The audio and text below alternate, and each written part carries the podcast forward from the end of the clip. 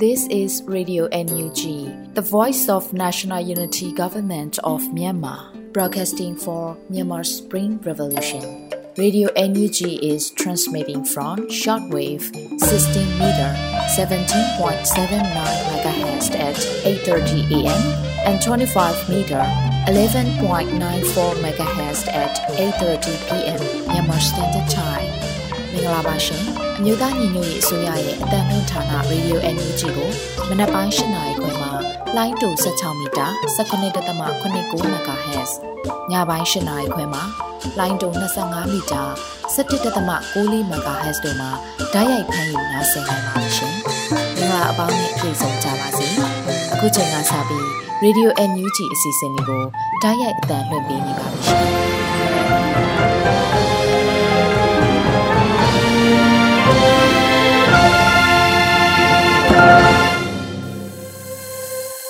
မင်္ဂလာညချမ်းပါခင်ဗျာရေဒီယို UNG သောတာရှင်တွေဘေးပရာဝေးကွာပြီးကိုရောစိတ်ပါကြမ်းမာကြပါစေဒီကနေ့မတ်လ2ရက်နေ့ရေဒီယို UNG ရဲ့ညပိုင်းတန်လွင့်စီစဉ်များကိုစတင်တော့မှာဖြစ်ပါတယ်ကျွန်တော်ကတော့လွတ်လပ်နေဦးပါ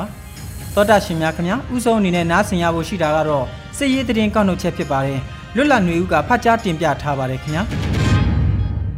အခုချိန်ကစပြီး2024ခုနှစ်မတ်လ2ရက်နေ့ညပိုင်းမှာတင်ပြမယ်ရေဒီယို UNG ရဲ့စစ်ရေးတရင်ကောက်နှုတ်ချက်တွေကိုဖတ်ကြားတင်ပြတော့မှာဖြစ်ပါတယ် စစ်မှုထမ်းဥပဒေစန့်ကျင်ရာအပါအဝင်ရှောင်ရှားရမယ့်အချက်များကို KNU တပ်မဟာ9ကထုတ်ပြန်လိုက်တဲ့ဆိုတဲ့သတင်းနဲ့စတင်ပါမယ်။တိုင်းပြည်အာဏာကိုအတင်းအဓမ္မလူယူသိမ်းပိုက်ထားတဲ့စစ်ကောင်းဆောင်မင်းအောင်လှိုင်ဦးဆောင်တဲ့စစ်အာဏာရှင်စစ်ကောင်စီရဲ့စစ်မှုမထမ်းမနေရဥပဒေကိုမလိုက်နာပဲဆန့်ကျင်ကြဖို့နဲ့ရှောင်ရှားရမယ့်အချက်တွေကို KN မျိုးသားအစည်းအရုံး KNU တပ်မဟာ9တပ်မဟာ9မူတရခရိုင်ကမတ်လ၁ရက်နေ့မှာထုတ်ပြန်ထားပါတယ်။ မူထရခရိုင်လို့ခေါ်တဲ့ဖာပုံခရိုင်ထဲကပြည်သူလူထုအားလုံးစစ်ကောင်စီရဲ့စစ်မှုမထမ်းမနေရဥပဒေကိုမလိုက်နာဘဲစန့်ကျင်ကြဖို့နဲ့ထောက်ခံအားပေးတာဝင်ရောက်တာတွေလုံးဝမပြုလုပ်ကြဖို့အသိပေးထားပါတယ်မြို့နယ်ပြည်သူတွေအနေနဲ့အတင်းကျပ်ဖိအားပေးမှုတွေနဲ့ရင်ဆိုင်လာရပြီဆိုရင်နိစရာရွာတွေကိုထွက်ပြေးတိမ်းရှောင်ခိုလုံဖို့ကိုအသိပေးထားပြီးလာရောက်ခိုလုံတဲ့ကြေးရွာတွေကတာဝန်ရှိသူတွေရဲ့လမ်းညွှန်မှုနဲ့ကုညီဆောက်ရှောက်မှုကိုရရှိနိုင်ဖို့အမည်စည်းအတိအကျပေးဖို့လည်းနှိုးဆော်ထားပါတယ်။ ဒါအပြင်အခက်အခဲအကြက်တဲဖြစ်လာရင်နိစရာရှေ့တန်းဒေတာကတာဝန်ရှိသူတွေထံချက်ချင်းအသိပေးအကြောင်းကြားဖို့ကိုလည်းထုတ်ပြန်ချက်မှာဖော်ပြထားပါတယ်။ယခုထုတ်ပြန်ချက်ကိုသိရှိပြီးမလိုက်နာဘဲစစ်အာဏာရှင်အုပ်စုရဲ့ခိုင်းစေချက်အတိုင်းလိုက်နာလှုပ်ဆောင်မယ်ဆိုရင်တော့စစ်အာဏာရှင်အလိုကျနဲ့စစ်အုပ်စုအဖွဲ့ဝင်လို့သတ်မှတ်ခြင်းခံရမယ်လို့လည်းတတိပေးထားပါတယ်။စစ်ကောင်စီဟာ၎င်းတို့လက်အောက်ခံတပ်ဖွဲ့ဝင်တွေတိတ်ဆုံးတန်ရာရရှိမှုထွက်ပြေးတာလက်နက်ချအညံ့ခံတာနဲ့ပြည်သူရင်ခွင်ခိုလွန်လာတဲ့သူများနေတာကြောင့် တပ်အင်အားရော့နေချိနဲ့လာတဲ့အခြေအနေမှာစစ်မှုမထမ်းမနေရဥပဒေကိုအသက်သွင်းပြီးတပ်အင်အားကိုပြန်လည်ဖြည့်ဆည်းနိုင်ဖို့အတင်းအဓမ္မနည်းနဲ့ဆောင်ရွက်နေတာလို့စစ်ရေးလေ့လာနေသူတွေကပြောပါတယ်။ KNU ဗဟိုကလည်းစစ်ကောင်စီရဲ့စစ်မှုထမ်းဥပဒေဟာတနင်္ဂနွေလုံးစစ်နုံတွင်ကြာရောက်စေဖို့လှုံ့ဆော်ခြင်းသာဖြစ်ပြီးစစ်အာဏာရှင်တပ်ဆိုးရှည်စီမဲ့လောက်ရဖြစ်တာကြောင့်ဒီလောက်ရက်ကိုဆန့်ကျင်တယ်လို့ထုတ်ပြန်အသိပေးထားပါတယ်။ဒါ့အပြင်မျိုးဆက်သစ်လူငယ်တွေနဲ့တိုင်းရင်းသားပြည်သူလူထုတရားလုံးအနေနဲ့လည်းစစ်ကောင်စီကထုတ်ပြန်တဲ့ဥပဒေအကောင့်ထဲဖော်မှုလုပ်ငန်းတွေမှာမပါဝင်ခြင်းနိုင်ငံရေးအန်တုမှုလုပ်ငန်းစဉ်များနဲ့ဆန့်ကျင်ခြင်း တော်လိုင်းရဲ့ဖွဲ့တွေမှာပူးပေါင်းပါဝင်ခြင်းအချင်းချင်းကာကွယ်ပေးတဲ့လုပ်ငန်းတွေအပါအဝင်နီလာမျိုးစုံနဲ့ပြုလုပ်နေတဲ့စန့်ကျင်တိုက်ဖြတ်ရေးလုပ်ငန်းတွေမှာပူးပေါင်းပါဝင်ကြဖို့ကိုလည်းတိုက်တွန်းထားပါတယ်ခင်ဗျာ။မြိုင်မြို့နယ်ရှိကြောက်ခွက်ရေနံမြေရဲစခန်းမှာစစ်ကောင်စီတပ်ဖွဲ့စခန်းဆွန့်ခွာသွားလို့တော်လိုင်းတပ်ဖွဲ့များမိရှို့ရှင်းလင်းနိုင်ခဲ့တဲ့တဲ့တင်ကိုတင်ပြပါဦးမယ်။ မကွေးတိုင်းမြိုင်မြို့နယ်မှာရှိတဲ့ကြောက်ခွက်ရေနံမြေရဲစခန်းမှာတပ်ဆွဲနေတဲ့အချမ်းဖက်စစ်ကောင်စီတပ်ရဲနဲ့ပြူစောတိတွေစခန်းဆွန့်ခွာထွက်ပြေးသွားတာကြောင့်ဝင်ရောက်ရှင်းလင်းပြီးမိရှို့ဖျက်ဆီးလိုက်တယ်လို့ဒေသခံတော်လိုင်းတပ်ဖွဲ့တွေထံကသိရပါတယ်။မြိုင်မြို့နယ်ကမြမရေနံနဲ့တဘာဝတန်းငွေလုပ်ငန်း MOGE ပိုင် Red 2ရေနံမြေကြောက်ခွက်ရဲကင်းစခန်းမှာအင်အား30ကျော်နဲ့တပ်ဆွဲနေတဲ့အကြမ်းဖက်စစ်အုပ်စုကိုဖေဖော်ဝါရီလ29ရက်နေ့မနေ့စောပိုင်းမှာဝက်ပုတ်ပြူစောတိကြီးရွာကထက်လာတဲ့အကြမ်းဖက်စစ်တပ်စစ်ကြောင်းကခေါ်ထုတ်သွားတာဖြစ်ပါတယ် အဆိုပါစစ်ကောင်စီအုပ်စုစခန်းစွန့်ခွာသွားလို့စခန်းတွင်းရှိဘန်ကာတွေကိုမိရှို့ဖျက်ဆီးကမိုင်းရှင်းလင်းရေးလုပ်ငန်းတွေလှုပ်ဆောင်ခဲ့တယ်လို့သိရပါတယ်။အဆိုပါကြောက်ခွက်ရေနံမြေရဲကင်းစခန်းဟာရခိုင်ကအမှတ်နှစ်ရေနံမြေလုံခြုံရေးရဲတပ်ဖွဲ့ခွဲမှတပ်စိတ်တစိတ်သာထိုင်ချထားပေမဲ့မင်းအွန်လိုင်းဥဆောင်တဲ့အကြမ်းဖက်စစ်တပ်ကအာဏာကိုမတရားလူယူသိမ်းပိုက်ပြီးတဲ့နောက်မှာတော့မြိုင်မြို့နယ်တရက်ကန်ရဲစခန်းကရဲနဲ့စစ်သားတွေလာရောက်ပူးပေါင်းခဲ့ပြီးဘန်ကာတွေတိဆောက်ကအခိုင်အမာတပ်ဆွဲနေထိုင်တဲ့စခန်းတစ်ခုလို့သိရပါတယ်ခင်ဗျာ ဆက်လက်ပြီးလှဲကူးမြို့နယ်0မိုင်းတွင်တစ်ဆင်းနေတဲ့စစ်အုပ်စုကိုတိုက်ခိုက်မှုမှာရှစ်ဦးသေဆုံးသွားတဲ့အကြောင်းကိုတင်ပြပါမယ်ရန်ကုန်တိုင်းလှဲကူးမြို့နယ်0မိုင်းမှာခရီးသွားပြည်သူတွေကိုစစ်ဆေးပြီးငွေကြေးတောင်းခံနေတဲ့စစ်အုပ်စုကိုတိုက်ခတ်ခဲ့ရာရှစ်ဦးသေဆုံးသွားတယ်လို့ရန်ကုန်အာမီတပ်ဖွဲ့ထံကသိရပါဗျ။လှဲကူးမြို့နယ်0မိုင်းဂိတ်မှာခရီးသွားပြည်သူတွေကိုစစ်ဆေးနေတဲ့စစ်သားတွေနဲ့ရင်ထမ်းရဲတွေကိုမတ်လ1ရက်နေ့ညနေ4:40မိနစ်40ခန့်မှာပြင်းအားမြင့်မိုင်းတွေနဲ့ဖောက်ခွဲတိုက်ခိုက်ခဲ့တယ်လို့ဆိုပါတယ်အဆိုပါတိုက်ခိုက်မှုကြောင့်အကြမ်းဖက်စစ်သား2ဦးရင်ထဲရဲ4ဦးသေဆုံးသွားတယ်လို့သိရပါတယ် ထိုတိုက်ခိုက်မှုကိုရန်ကုန်အာမီနဲ့အနောက်ပိုင်းခရိုင်ပြည်သူ့ကာကွယ်ရေးအဖွဲ့တို့ကပူးပေါင်းလှုပ်ဆောင်ခဲ့တာဖြစ်ပါတယ်။မိုင်းခွဲတိုက်ခိုက်မှုဖြစ်ပြီးနောက်ခီးသွွားပြည်သူတွေရဲ့ကားတွေကိုအကြမ်းဖက်စစ်သားတွေနဲ့ရဲတပ်ဖွဲ့ဝင်တွေကတင်းကျပ်စွာစစ်ဆေးခဲ့တယ်လို့ခီးသွွားပြည်သူချုပ်ကပြောပါတယ်။ရန်ကုန်အာမီတပ်ဖွဲ့ဟာဖေဖော်ဝါရီလ28ရက်နေ့ကလည်းတကုံမြို့နယ်ရှိအကြမ်းဖက်စစ်ကောင်ဆောင်မင်းအောင်လှိုင်ရဲ့မိသားစုပိုင်တဲ့အောင်မြင့်မိုမင်းကုမ္ပဏီမိုင်တဲရုံးချုပ်ကိုလည်းမိုင်းခွဲတိုက်ခိုက်ခဲ့ပါသေးတယ် ပြည်သူလူထုကိုဖိနှိပ်အနိုင်ကျင့်နေတဲ့စစ်အုပ်စုကိုဆက်လက်တိုက်ခိုက်သွားမှာဖြစ်တာကြောင့်မိဘပြည်သူတွေအနေနဲ့အကြမ်းဖက်စစ်ကောင်စီနဲ့ပတ်သက်ရာနေရာတွေကိုရှောင်ကျဉ်ကြဖို့ကိုလည်းရန်ကုန်အာမီအဖွဲ့ကတတိပေးထုတ်ပြန်ထားပါတယ်ခင်ဗျာမုံရွာ6ဦးလမ်းပိုင်းမှာစစ်သားများတင်ဆောင်လာတဲ့ဂျမ်မာကားလေးစီးကိုမိုင်းဆွဲတိုက်ခိုက်တဲ့အကြောင်းကိုတင်ပြဖို့ရှိပါတယ်။စကိုင်းတိုင်းမြင်းမှုမြို့နယ်ကစစ်သားတွေကိုတင်ဆောင်လာပြီးမုံရွာဘက်ကိုထွက်လာတဲ့ဂျမ်မာကားလေးစီးကိုမုံရွာ6ဦးလမ်းပိုင်းတနေရာမှာမိုင်းဆွဲတိုက်ခိုက်ခဲ့တယ်လို့ Area 71 PDF မုံရွာအဖွဲ့ကထုတ်ပြန်ပါတယ်။ မုံရမြို့မှာရှိတဲ့အနောက်မြောက်တိုင်းစစ်ဌာနချုပ်နမခကနေမတ်လ၁ရက်နေ့ညတကောင်ရအချိန်မှာစစ်ကောင်စီတပ်ဖွဲ့ဝင်တွေမပါတဲ့ဂျမာကားလေးစီးမြင်းမှုနယ်ဘိုးမင်းကြီးကင်းရွာဘက်ကိုထွက်လာတယ်လို့သတင်းရပေမဲ့တိုက်ခိုက်မှုမလုပ်သေးပဲစောက်ဆိုင်နေခဲ့တယ်လို့ဆိုပါတယ်။အဲ့ဒီနောက်မှာအဆိုပါစစ်ရင်တန်းဟာမတ်လ2ရက်နေ့ယနေ့မနက်၄နိုင်ခွဲကအချိန်မှာတော့ဘိုးမင်းကြီးကင်းရွာဘက်ကနေစစ်သားတွေကိုတင်ပြီး6ဦးမြို့နယ်ရှိမြပလဲ73စီဆိုင်မှာတထောက်နားကမုံရွာဘက်ကိုကားမီးတွေပိတ်ပြီး မောင်းနှင်လာတယ်လို့သိရပါတယ်စစ်သားအင်အားပြည့်ပါတဲ့အဆိုပါဂျမာကားလေးစီးကို6ဦးမုံရွာလမ်းပိုင်းတင်နေရာမှာမိုင်းပွိုင်းစောက်တဲ့ရဲဘော်တွေကပောက်ကွဲအားပြင်းတဲ့မိုင်းငါးလုံးတွေနဲ့အနီးကဖောက်ခွဲတိုက်ခိုက်နိုင်ခဲ့တယ်လို့တော်လိုင်းအဖွဲ့တွေကပြောပါတယ်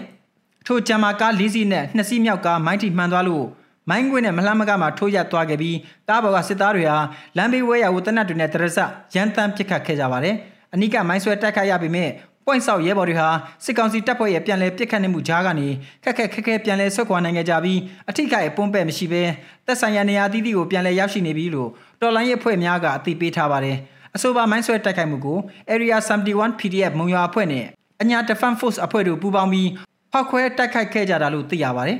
Area 71 PDF မုံရွာအဖွဲ့ရဲ့ထုတ်လို့ရေးစခန်းဟာဖေဖော်ဝါရီလ28ရက်နေ့ကပဲစစ်ကောင်စီတပ်ရဲ့စီးနှင်းခြင်းကိုခံခဲ့ရပြီးလက်နက်ခဲယမ်းတွေပါဝင်ကြက်သိန်း80ပိုးခန့်ရှိပစ္စည်းတွေမိရှို့ဖျက်ဆီးခံခဲ့ရတဲ့တော်လိုင်းရေးတပ်ဖွဲ့တစ်ခုဖြစ်ကြောင်းသိရပါတယ်ခင်ဗျာ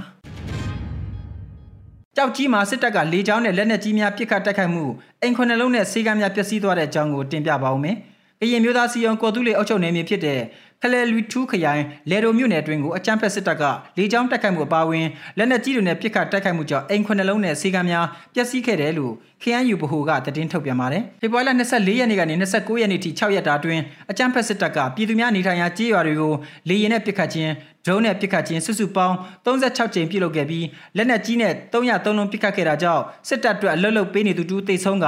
တော်လိုင်းရဲဘော်9ဦးထိခိုက်ဒဏ်ရာရခဲ့တဲ့ပြင်နွားနယ်ကောင်တိတ်ဆုံးခဲ့တယ်လို့သိရပါတယ်။ ဖေဖော်ဝါရီလ24ရက်နေ့ကလည်းဘာဘူးကုန်းကြေးရွာမှာနေရာယူထားတဲ့အကြမ်းဖက်စစ်တပ်ကဇီးကုန်းကြေးရွာကိုလက်နက်ကြီး6လုံးပစ်ခတ်လို့ဇီးကုန်းကြေးရွာကအိမ်နှလုံးထိခိုက်ပျက်စီးခဲ့တယ်လို့ဖေဖော်ဝါရီလ25ရက်နေ့မှာလည်းအကြမ်းဖက်စစ်တပ်က Jet Fighter 6စင်း MI35 ဒဇင်းက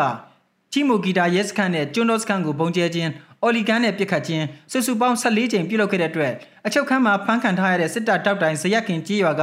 အသက်45နှစ်အရွယ်တန်းစော်ဦးတေဆုံးခဲ့ရပြီး73ဦးထိခိုက်ဒဏ်ရာရရှိခဲ့တယ်လို့အသိပေးထားပါတယ်။ ဒါပြင်ကျွန်းတော်စကန်ရှိ KNL လက်အောက်ခံတပ်ဖွဲ့ဝင်9ဦးလည်းထိခိုက်ဒဏ်ရာရရှိခဲ့တယ်လို့ပြောပါတယ်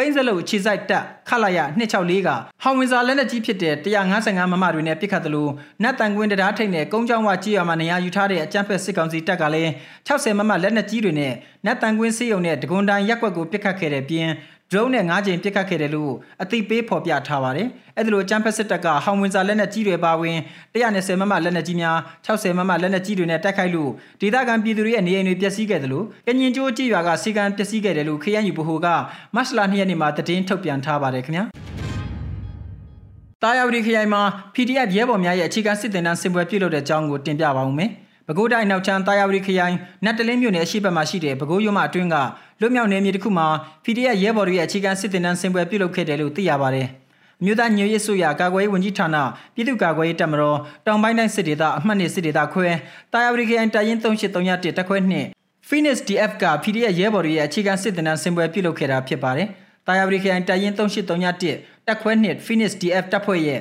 အခြေခံစစ်တမ်းအပတ်စဉ်နှစ်တင်နန်းဆင်ပွဲကိုဖေဖော်ဝါရီလ28ရက်နေ့ကပြုလုပ်ခဲ့တာဖြစ်ပြီးပြည်သူ့ကာကွယ်ရေးတပ်မတော်လန်ကိုချီတက်လေးပြုခြင်းစစ်ရေးပြခြင်းစုချီးမြင့်ခြင်းတို့ကိုကျင်းပခဲ့တယ်လို့သိရပါတယ်။ဆိုပါခမ်းနားမှာတာယာပရိခရိုင်တရင်3831တရင်မှုက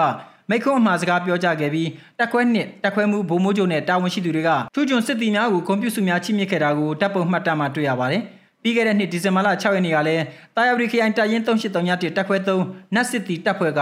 ရဲဘော်ရဲ့မွမ်းမံတင်နန်းစင်ပွဲကျင်းပခဲ့တယ်လို့သိရပါတယ်။တော်တာရှင်များအခုနားဆင်ခဲ့ရတဲ့စည်ရည်သတင်းတွေကိုရေဒီယိုအန်ယူဂျီသတင်းတောက်မင်းတီဟာနဲ့ကိုခန့်တို့ကပေးပို့ထားတာဖြစ်ပါတယ်ခင်ဗျာ။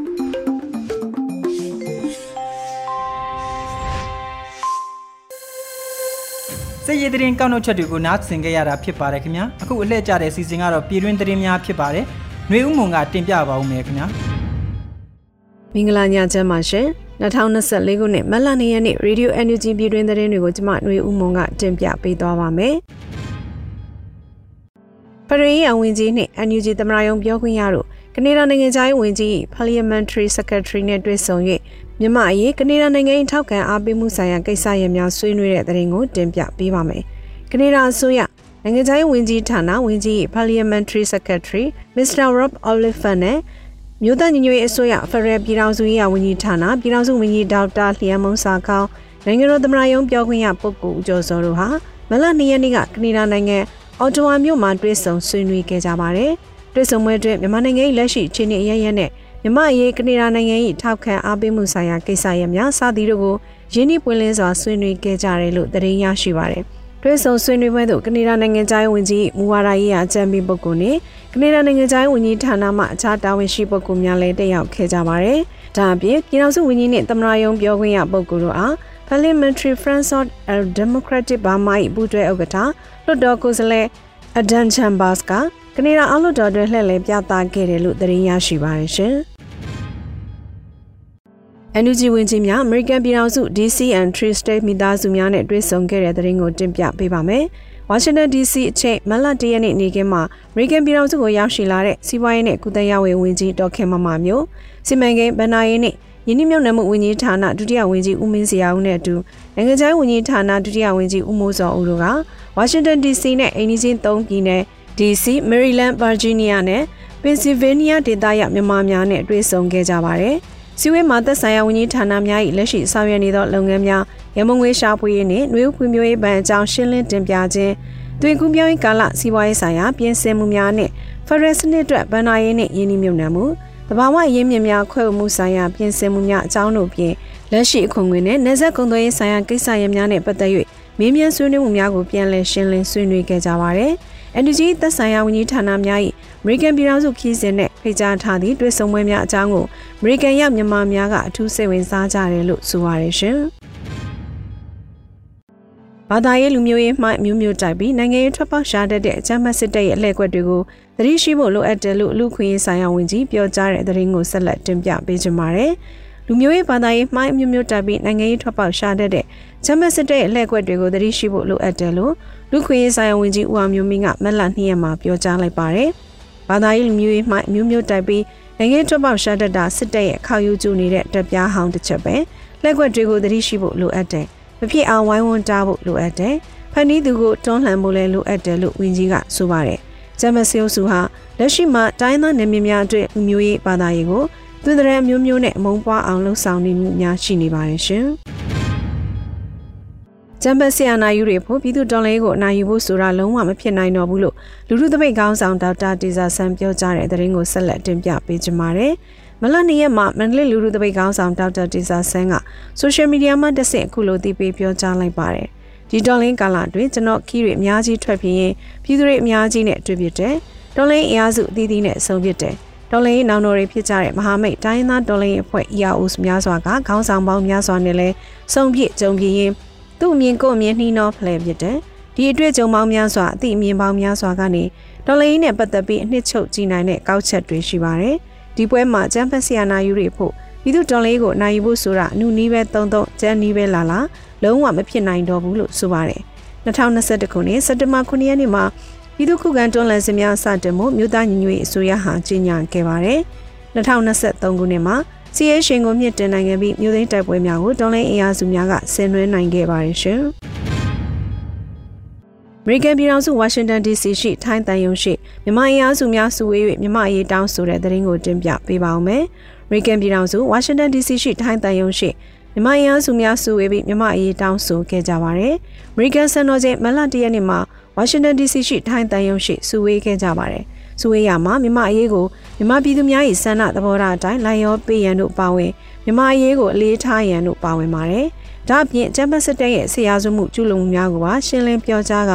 ဆရာနာရှင်စနစ်စန့်ကျင်ရေးများကိုပါဟောပြောခဲ့ကြပါတယ်ရှင်။ခုတင်ပြခဲ့တဲ့သတင်းတွေကို Radio Energy သတင်းတောက်မင်းတီဟန်နဲ့ကိုခန့်တို့မှပေးပို့ထားတာဖြစ်ပါတယ်ရှင်။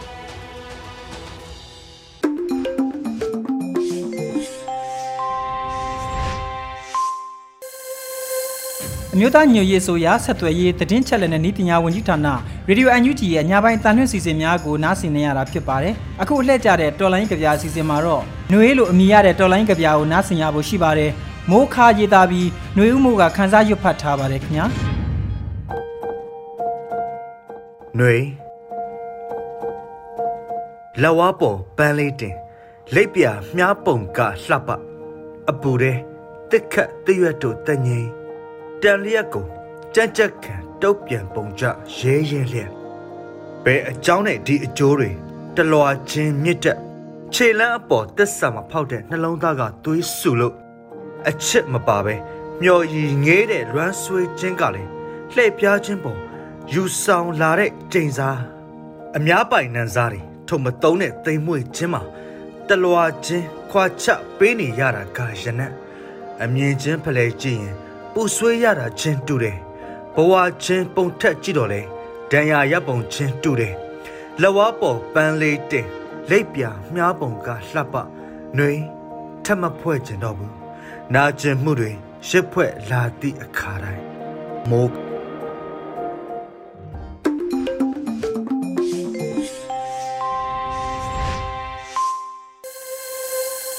သောတာရှင်များခင်ဗျာအခုတခါနားဆင်ဖို့လက်ကြတဲ့စီစဉ်ကတော့ Radio UNG မျက်မှောက်ရေးအင်တာဗျူးစီစဉ်ဖြစ်ပါတယ်။မင်းတီဟာကမေးမြန်းတင်ဆက်ထားပါတယ်။တပ်ပေါင်းစုကြီးအညာထီရဲ့စီစဉ်ဆောင်ရွက်သူကိုစိုးတန်းနဲ့မေးမြန်းခန်းကိုနားဆင်ရပါတော့မယ်ခင်ဗျာ။မင်္ဂလာပါကိုခင်ဗျာ။အရင်ဆုံးအညာထီအကြောင်းလေးမိတ်ဆက်ပြပါဦးခင်ဗျာ။ဟုတ်ကဲ့မင်္ဂလာပါခင်ဗျာ။ကျွန်တော်တို့တပ်ပေါင်းစုကြီးအညာထီရဲ့အကြောင်းကိုအရင်ဆုံးမိတ်ဆက်ရရင်ကျွန်တော်တို့ပခုတ်ကူခရိုင် အတွင်းမှာရှိကြတဲ့တော်လိုင်းအင်အားစုအားလုံးအတွက်ကျွန်တော်တို့ခုတ်ခုခရိုင်တရင်တပ်ဖွဲ့များခုတ်ခုခရိုင်တွင်းကပကဖပအဖများ local PDF များကိုအဓိကထောက်ပံ့ဖို့ရည်ရွယ်ခဲ့ပါတယ်ခုတ်ခုခရိုင်တွင်းမှာကျွန်တော်တို့ခုတ်ကူမြိုင်ရေတကြိုပေါက်စိတ်ဖြူတွင်းချောင်းကမ္မမြစ်ချေဆိုတဲ့မြို့တွေရှိပါတယ်အဓိကမြို့ကြီး6မြို့ပခုတ်ကူ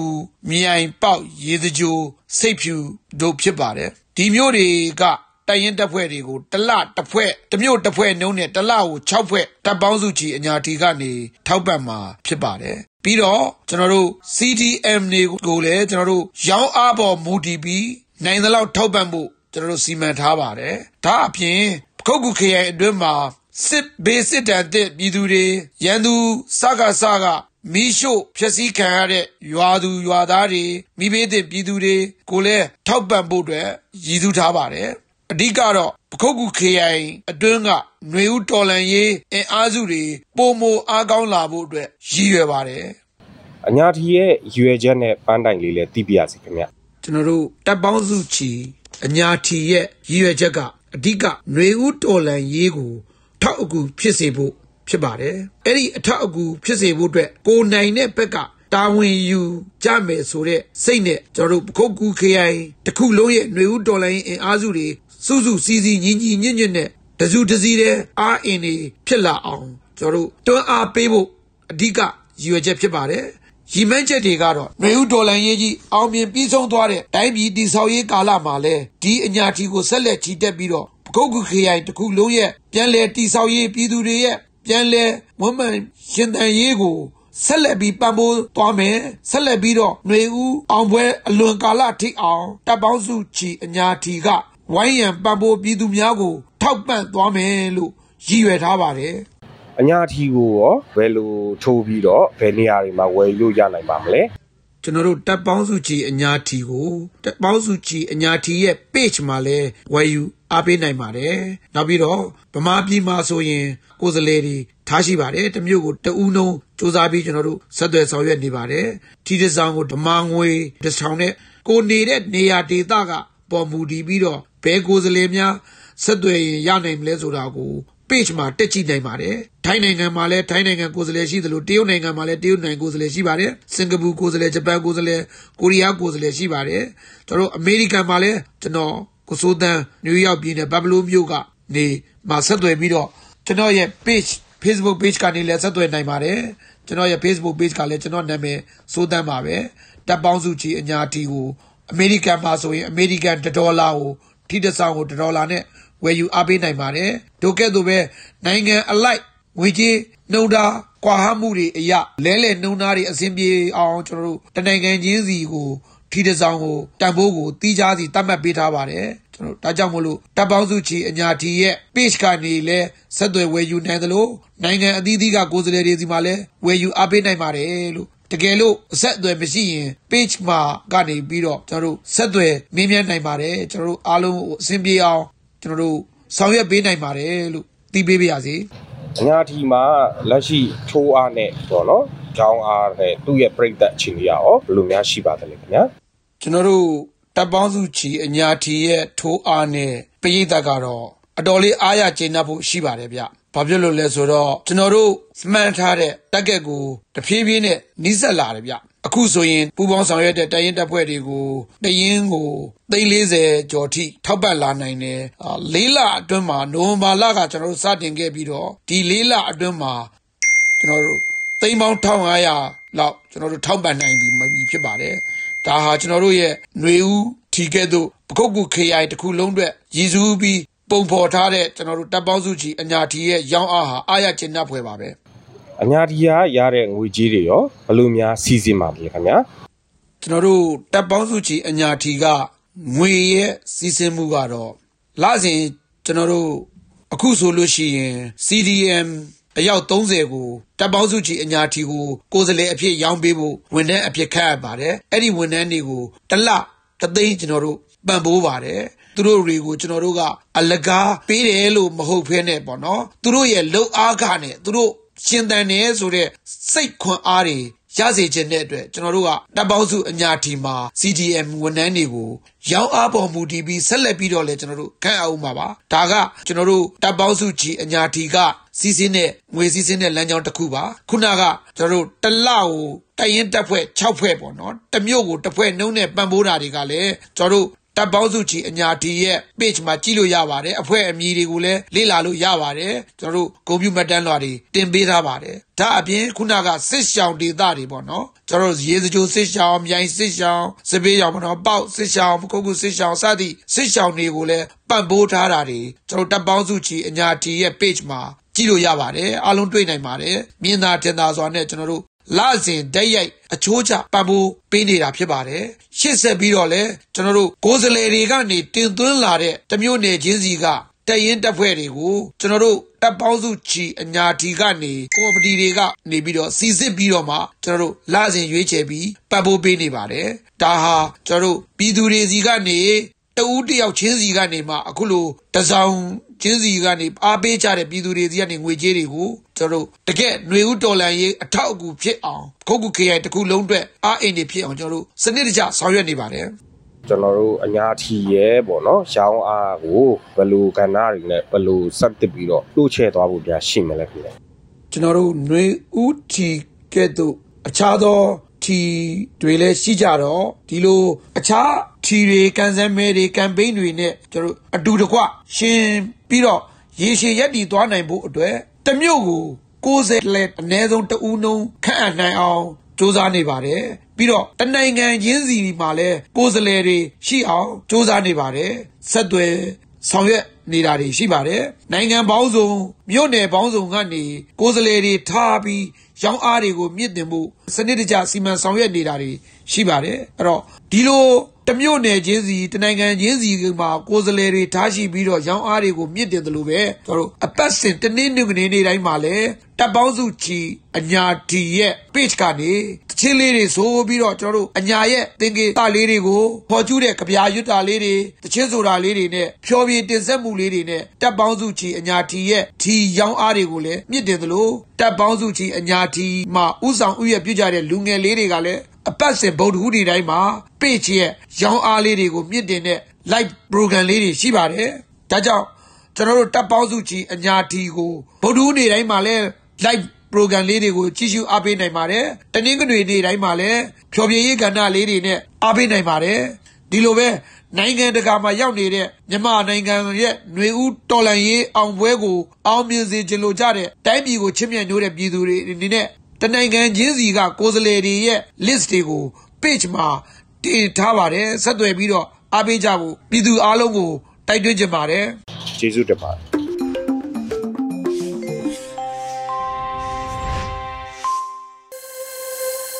ဒီနေ့ March လ2ရက်နေ့ Radio NUG ရဲ့ညပိုင်းစီစဉ်နောက်ဆုံးစီစဉ်နေနဲ့တော်လိုင်းတေးဂီတာတစ်ပုဒ်ကိုထုတ်လွှင့်ဖို့စီစဉ်ထားပါတယ်။ Radio NUG ကစီစဉ်တင်ဆက်တာဖြစ်ပြီးငါတို့လာပြီလို့အမည်ရပါတယ်ခင်ဗျာ။။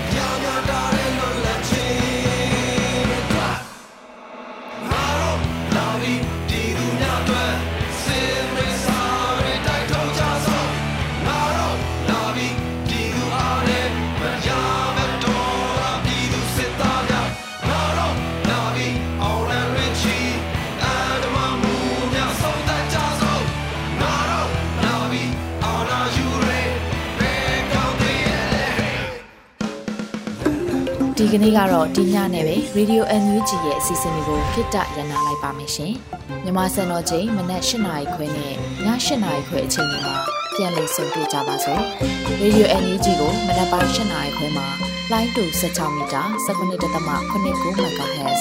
ညပိုင်း၈နာရီခွဲမှာလိုင်းတူ25မီတာ17.6 MHz တို့မှာဓာတ်ရိုက်ဖမ်းလို့နိုင်စေနိုင်ပါပြီ။ မြန်မာနိုင်ငံသူနိုင်ငံသားတွေကိုစိတ်နှပြကျန်းမာချမ်းသာလို့ဘေးကင်းလုံခြုံကြပါစေလို့ Radio NUG အဖွဲ့သူဖေသားတွေကဆုတောင်းမြတ်တာပို့တာနေပါတယ်ရှင်။မြေသားညီမတွေအစိုးရရဲ့စက်တော်ရင်သတင်းအချက်အလက်တွေလုပ်ပြညာဝန်ကြီးဌာနကထုတ်လွှင့်နေတဲ့ Radio NUG ဖြစ်ပါတယ်။ San Francisco Bay Area အခြေစိုက်မြန်မာမိသားစုတွေနဲ့နိုင်ငံတကာကစေတနာရှင်တို့အားပေးနေတဲ့ Radio NUG ဖြစ်ပါတယ်။အရေးတော်ပုံအောင်ရမည်